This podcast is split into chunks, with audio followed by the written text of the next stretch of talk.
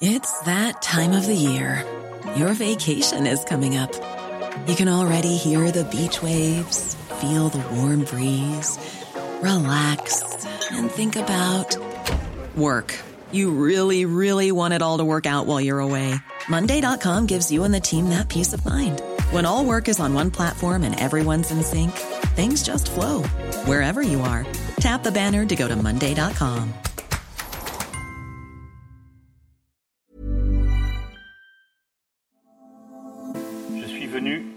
parler d'Europe. Together, we can achieve incredible things. Europa skal stå stærkere i vores egen ret. Europa ist unsere Zukunft. Du lytter til Altinget taler om Europa med din vært Thomas Lauritsen.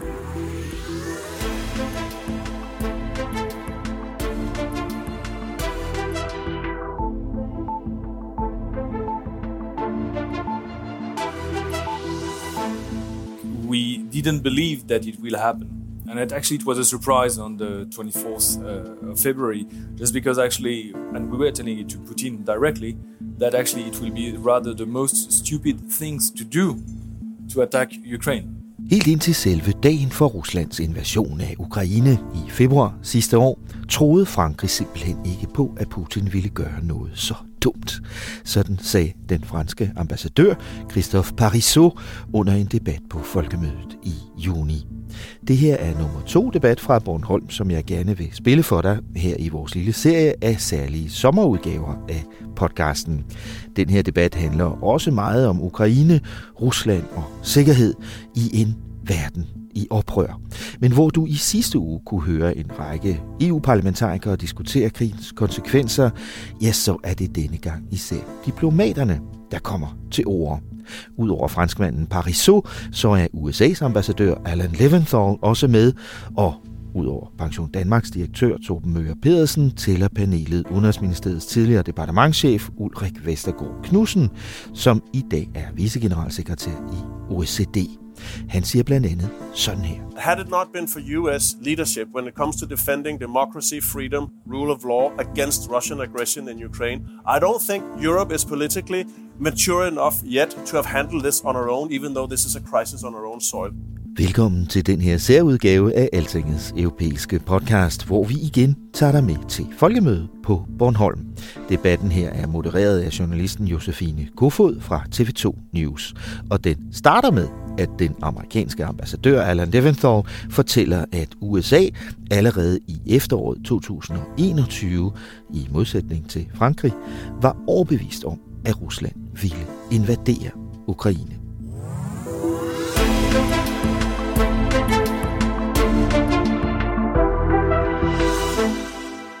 Well, the, the United States had uh, very clear intelligence in the fall of 21 that Russia intended to invade Ukraine. And the Biden administration made a decision to keep all of our allies fully informed. Uh, not many nations thought it would happen. Even Ukraine was skeptical that it would happen. And uh, of course, then the invasion, invasion occurred. But as a result of keeping our NATO partners informed, sanctions would p- put in place it, with unprecedented speed. And we've seen since the war began, uh, NATO, which is the most powerful alliance in the military alliance in the history of the world for close to three quarters of a century. It has protected a billion people. That that alliance, NATO, has only gone, gotten stronger. Uh, so we had a quite a different view. We were convinced this would happen. We brought our NATO allies up to date. Um, when it did happen, I think everyone was positioned to act very quickly, and NATO is stronger today, and with the addition of Finland and hopefully soon to follow with Sweden. Ambassador Parisot, I'm I'm curious to France being such a huge nation in Europe, being speaking with such a loud, often clear voice. Uh, in the days before the invasion, how was uh, France preparing? Were, my, were you were you, as the Americans, um, certain this was going to happen, or was it a shock um, for for you and for Europe?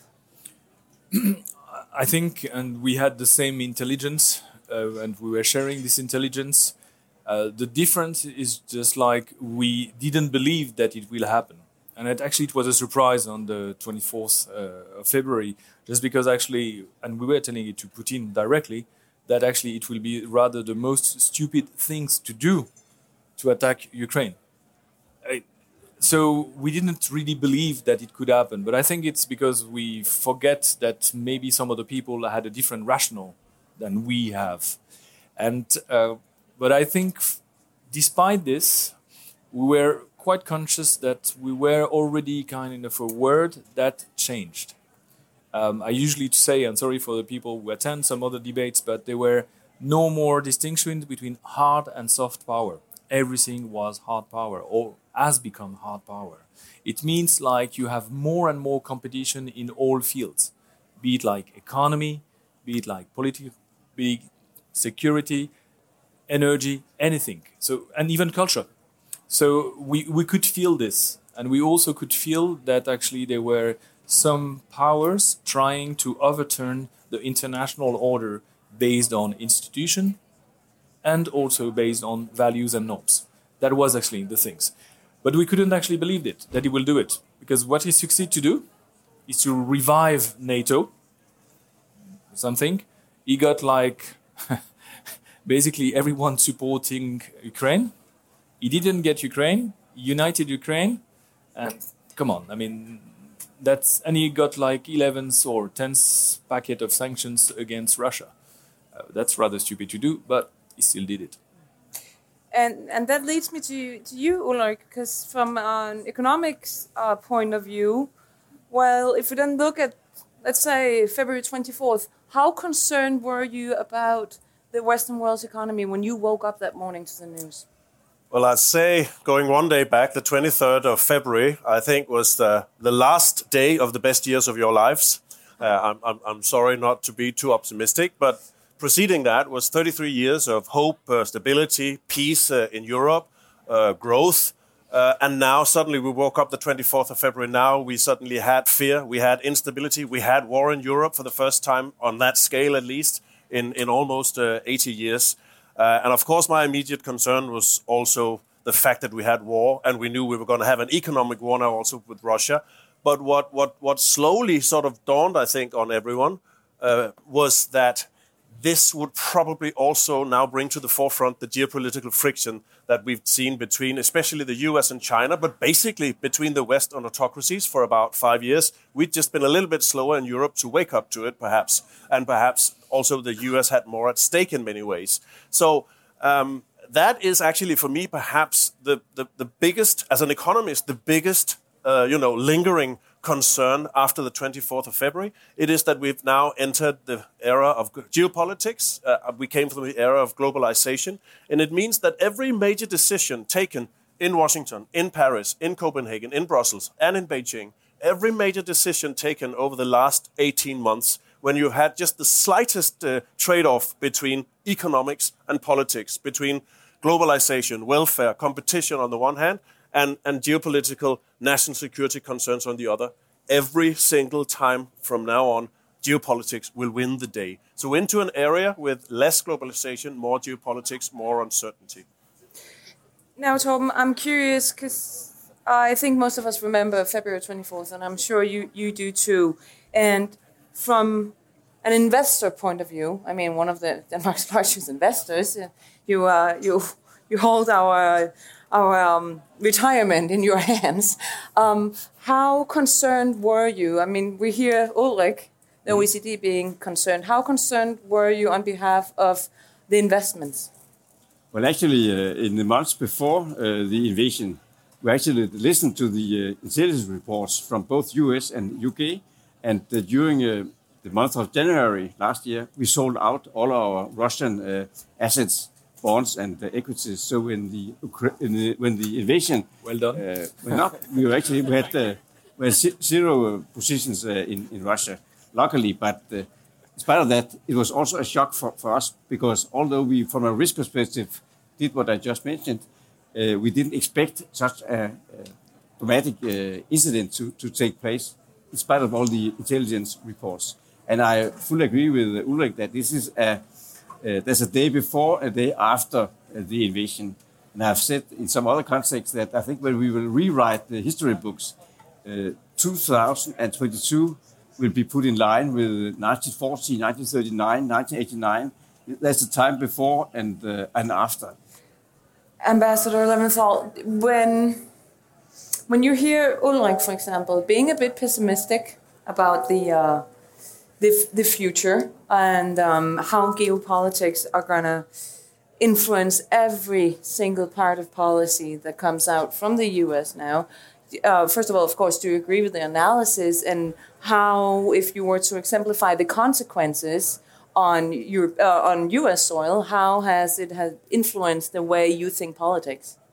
So the U.S. approach is to work closely through our allies.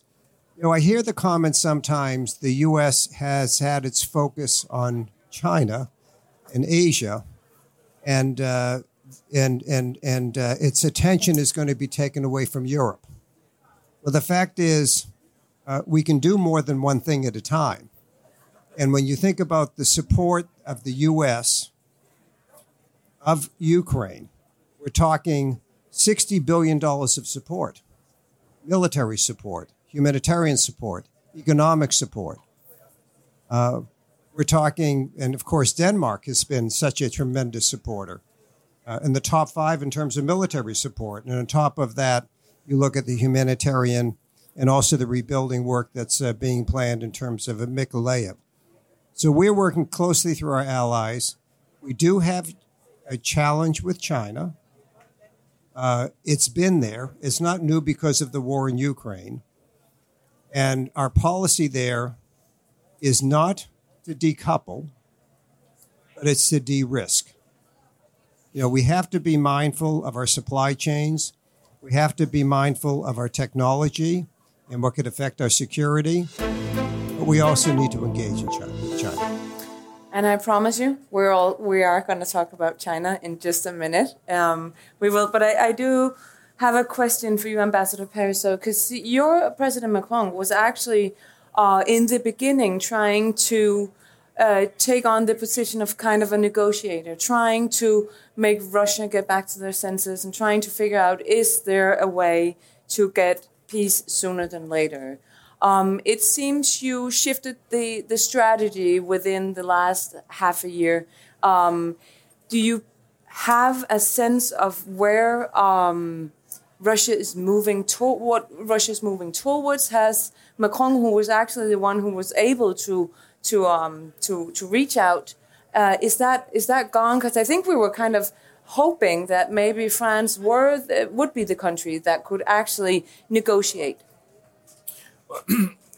In your question, I, I would just correct it to just like we tried till the 24th of February, and then after the 24th of February, we didn't try at all. But I think what uh, President Macron tried is still the last moment to just tell the right signal to Putin and says, don't do it, because if you do this, there will be a huge consequence actually for you. So, but um, I, I think it gives a wrong impression that we were trying actually, even in the first months of the conflict, to just kind find a way of negotiating things. I think we've been very clear from the start that the only strategy that we do have, and that the same thing for all of us, it's just like support Ukraine, support Ukraine, support Ukraine, till actually Ukraine wins. I mean, until at the end of the day, Putin lose. And I think the, the, the, the proof is just like, of course, um, the question will be in the long term when the war will be over. And it means when the war will be over, it means that at the terms that the Ukrainian will define. And, and then, then, then we'll see. But I think uh, diplomacy will play its role then afterwards. Now we can talk about China. I just wanted to uh, to get that in because, uh, like, I noticed you uh, your hand went up as soon as uh, China was mentioned, and I do know that as United as Europe and the US has been in regards to U- Ukraine. Um, China is a bit more complicated. Um, your, your, your comments to that? Yeah, I, I, uh, maybe just to, to follow up, up on what Ambassador Leventhal said. I mean, uh, there are some differences in nuances on how the EU and how the US approaches China. Things that I don't think we can uh, do away with. I mean, US is is, and we should support the US in in in their fight to stay the prominent or the dominant power in the world. We'd rather see US on that position than China. EU is not really a contender, right? That's number one. Number two is, I'm sorry, I know, I know it sounds wrong in Paris, but that's the way it is, a little bit for a decade maybe. Se- secondly, I mean, the, the European uh, economy is much more exposed to Chinese trade and investment than the US. I think about perhaps twice as, uh, as exposed. There's also more at stake economically for, for Europe. And the last thing is that you, the US is a legitimate Pacific power. The US has legitimate interest in the Pacific. Uh, the EU less so, right? We're not a Pacific. Yes, I know you have a, a, a few ships the, uh, out, out there, but uh, not but, only a but, few but, ships actually. But, uh, but, we're not exactly. We're not exactly. I mean, the rest of us are not exactly bordering the Pacific. What I'm trying to get at here is that there are some systemic structural issues why it's absolutely natural for the U.S. to be more concerned about China than Europe, and that should not take away from the fact that we need transatlantic alignment on China. This is so defining for the way we are going to defend our values. And I said it yesterday, and I'd like to repeat it again uh, today that had it not been for US leadership when it comes to defending democracy, freedom, rule of law against Russian aggression in Ukraine, I don't think Europe is politically mature enough yet to have handled this on our own, even though this is a crisis on our own soil. We're working on it. Paris is leading the European effort to work on it. Denmark, we just chatted about it. Denmark is actually beginning to join that European ambition for the whole of the continent. But we could not have pulled this off without the US extremely, extremely clever diplomacy by the Biden administration, forging a transatlantic alliance, but also bringing in Australia, Japan, uh, Korea, and so on we still have some work to do to get the rest of the world on board, the rest of the democracies, Brazil, Indonesia, India. They are not exactly joining our sanctions regime, sometimes uh, the, the opposite. So, so, so we have some work to do together.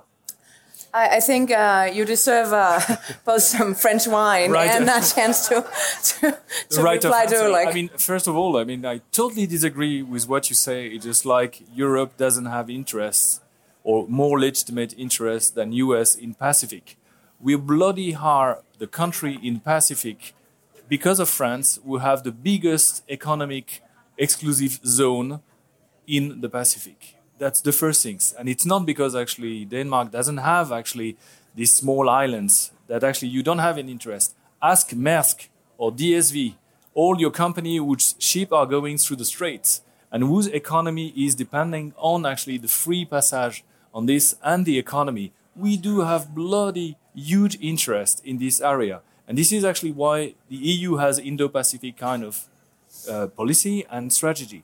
So, but I do agree with you that we have a different way of seeing the relation with China. Um, the Commission, European Commission, says that we have to do three things at the same time, and that's a problem with the same people and do it at the same time, which is basically to cooperate with China on global issues like global warming, fight against environment, I mean, fight for environment and biodiversity. The second thing is just like we have to fight with China because it's a competitor on the economic fields using actually all kind of methods that are not right. So we need to have level playing field, protect our strategic assets from China, and that's that's the things. And the third thing that we have to do is basically to fight against China because they have a different view. It's a systemic rival on the international scene and the international order. And we have to do the three things at the same time. So that's why it's actually sometimes difficult. But on the same time, it's, and this is something that is also important, we do not have uh, like in between positions between China and the US we are, of course, much more on the side of the US. We do share US concerns. We do understand what is at stake. So we are ally. And so it's, but it is important maybe for the other countries that are the so-called global south, because I hate the word, but doesn't represent anything. But actually, this country might not be able to just get into a two confrontational things between China and the US. They might need another way to deal with. And then this is actually what the Europe in general can provide a little bit of an alternative that is complementary to the US approach. But is it complementary? Do I hear you um, asking the EU to be a bit more aggressive when it comes to China, or is our strategy strategy just uh, very different from the American?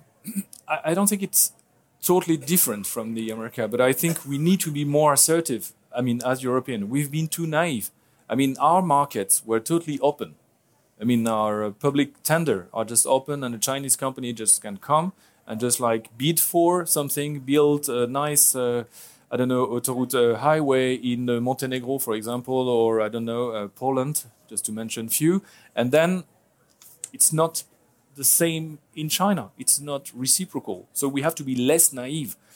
When I was in Washington with the Prime Minister, uh, it was a terrific meeting with the President in the Oval Office and a very warm relationship. And, and everyone for Denmark should be proud of the relationship that, that the prime, seeing the Prime Minister with the President and the strength and, of our, and the depth of our relationship. We also went up to Capitol Hill and uh, there were Democrats and Republicans there on Capitol Hill. And I have to tell you, there is strong, continues to be strong support for Ukraine. But I also have a concern, and I heard this voiced, that over time, Americans are going to ask, are NATO members in Europe meeting or exceeding their 2% commitment. Americans are willing to do their part and take a lead. But in order to continue that to continue to have that type of support, it's imperative that European NATO members meet or exceed the 2%. And I just want to reinforce that because that came through that we're going to see that over time. Ambassador Parisot, you, I thought you were both smiling and, and, and nodding at uh, the Ambassador Leventhal's uh, point on the defense budgets. Are you satisfied with the development now that we've taken in Europe in regards to defense budgets? I mean, Germany, Denmark as well, other European countries. Um, is it enough? Are we, is it a direction or? Well, at, at least it's a good start. Mhm. Uh, I think France is one of the countries who already said like since ages like we should spend more on defense and security so we can only be happy that actually this wake up call uh, because of the uh, invasion of uh, Ukraine by Russia or because actually our American allies clearly say since some years that actually there is a burden sharing and then actually the EU has to take part of the burden and there's actually my answer is that no problem, we'll do it. The European pillar of NATO will be reinforced, and actually, we will do it collectively, be it at EU level or at European pillar of NATO. And that's good. And if you see in the last few years, I mean, think about the fact like, what, five, ten years ago, if you had anyone telling you that actually the European Commission or the European budget will put money into defense, and defense capacity.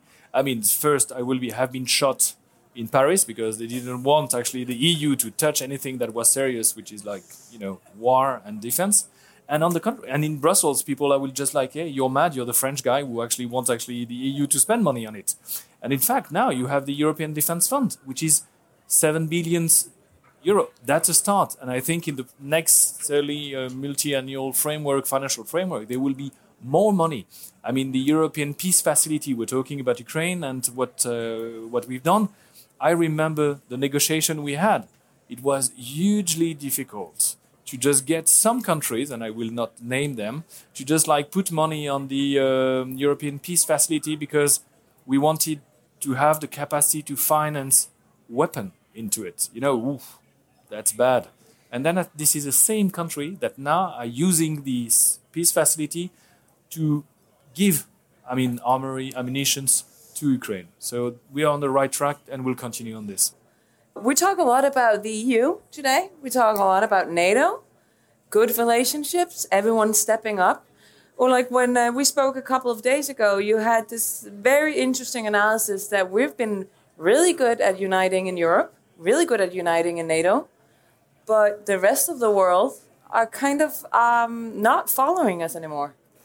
No, there was a there was a poll made a couple of months ago that came out under the heading uh, "United West divided from the rest," and of course that's an exaggeration, but it has the truth to it that that in the West we are perhaps more cohesive. There's more togetherness in the West than there has been for three decades, I would say, uh, at least my diplomatic uh, life.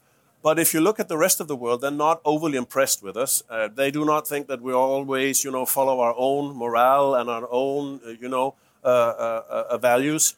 And I think I think it's worth noting, uh, as I said earlier today, two Asian countries, zero African countries, zero Latin American countries have joined our sanctions against Russia. We need to ask ourselves the question: Why is it that the Western democratic values that we are sort of trying to defend here why do we not? Why are we not able to bring Brazil, Indonesia, India, South Africa, uh, and a lot of other African and Latin American countries behind us in that quest? I think. I think some of the answer lies in the fact that they are also afraid of China. 120 countries in the world, 120 countries in the world have, have China as their biggest trading partner. I agree, many of them are small Pacific uh, island states, but still 100, 120 countries. So of course they're hedging their bets a little bit, right? And I mean, uh, India somehow manages to have super relations with the U.S. They're also part of the Shanghai Cooperation. They're part of the Quad. They're hedging their bets because they don't know where this world order is uh, is uh, headed. We need to bring him on, on on on our side. They're reluctant to do so, but there are also things that we can do in terms of consistency of our own foreign policy. Ambassador Leventhal, since we're not discussing the IRA, just, are you nodding at uh, at Ulrik and agreeing with uh, the UN, other uh, larger organizations? We've left them behind. We've left uh, the continent of Africa behind. Um, we we we've kind of closed around ourselves, which has been great for NATO, great for the EU, great for the alliance between the EU and the US. But do you share the analysis? I think we. Rec- oh. I think we recognize in particular that we have to involve the global south. And there were efforts to involve the global south, and that's going to be critical. I want to come back to talking about Russia. You know, there's a lot of uh, discussion in peace, peace overtures.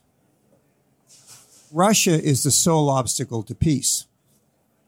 The war would be over tomorrow if Russia just withdrew. And the United States position is that we want a democratic, independent, sovereign, and prosperous Ukraine, and in a position to deter, defer and defend itself against future aggression. I don't think we should lose sight of that simple message about how this war could be over tomorrow and what our goals are. And um, unfortunately, we're, we're beginning to run out of time here, but I want to give you a, you got an easy question when we started, so now I'm going to give you a difficult one. A difficult one, yes. Because um, I want to ask you, and it's, it's in regards to what uh, Ambassador Leventhal is saying, is there room for negotiation, or are we way past that? And if that is the case, how will um, the world look from your perspective, that being the US, France, OECD, and Denmark, uh, in five years? Ambassador first, please. There's always a room for negotiation, but for negotiating, there's actually a prerequisite. And actually, these prerequisites, for the time being, are absolutely not met. And what Alan said just right there, Russia can end the war immediately if they want to. And so the prerequisite is just like retrieve from Ukrainian territory, stop the war, stop actually violating international norms, and then actually we will be maybe able to discuss. And that's the thing. So how the world will look in five years? Well, hopefully the war will be over with a win of Ukraine and a lose from Putin. That will be the same things. Um, it means that we might have a chance to have a new security architecture within Europe. Uh, we, if we are optimistic, I think we will be able to have a different relations with third countries outside Europe or Western world, I would say, um, based more on an equal partnership. uh, based on a mutual reinforcement of sovereignty. When we talk about sovereignty in Europe, it's not limited sovereignty like some people in Russia think about it in some some ages. So and hopefully also because this was also the elephant in the room with China, we will find a way actually to to to deal with China. I mean, stop the intrusive and not playing fair, and at the same time still cooperating on some issues. So I'm an optimistic one. Oh, like I'm, I'm gonna twist your question a bit because um, I would like you to answer the question, but here in regard to is there room for negotiation, uh, negotiating the sanctions? No, I don't see that in any foreseeable future. It's really quite simple. If Russia withdraws, there will be peace. If Ukraine withdraws, there will be no Ukraine. I mean, that is basically where we are, where we are at, right? Is there room for negotiation? I don't see it right now. Uh, there are there are you know four four factors uh, playing together at the moment, uh, which make for a quite uh, you know uh, at least for me pessimistic view of this uh, conflict. Not surprising. one is Ukraine thinks they can they can win. Russia thinks they can win. Ukraine can't win. Russia can't win. Those four go together for a long war because because as long as both sides think that they're capable of winning, but it's actually not the case. I really do fear that we're looking into two or three or four or five years where the front lines maybe move a little bit, but as long as both sides think they're winning and they're not satisfied with the status quo and they can't, uh, then we have the recipe for a, for a, for a very long conflict. I know that there are more hopeful uh, ana- analysts, maybe also among us here on stage. There are people who are really hopeful uh, that Ukraine can win, and this is maybe the only uh, time uh, at the, the People's Meeting here in Bornholm where I'll say, I hope I'm not right. Tak fordi du lyttede med på Altingets Europa-podcast i den her uge, som altså var en lettere redigeret optagelse af en debat under folkemødet på Bornholm i juni. Den her var organiseret af Pension Danmark. Debatten var modereret af journalisten Josefine Kofod fra TV2 News. Med i panelet var to ambassadører i Danmark, amerikanske Alan Leventhal og Frankrigs Christophe Parisot. OECD's vicegeneralsekretær Ulrik Vestergaard Knudsen, og så Torben Møger Pedersen, administrerende direktør for Pension Danmark. Mit navn er Thomas Lauritsen. Tak for i dag. Lyt med igen næste uge, lige her, hvor Altinget taler om Europa.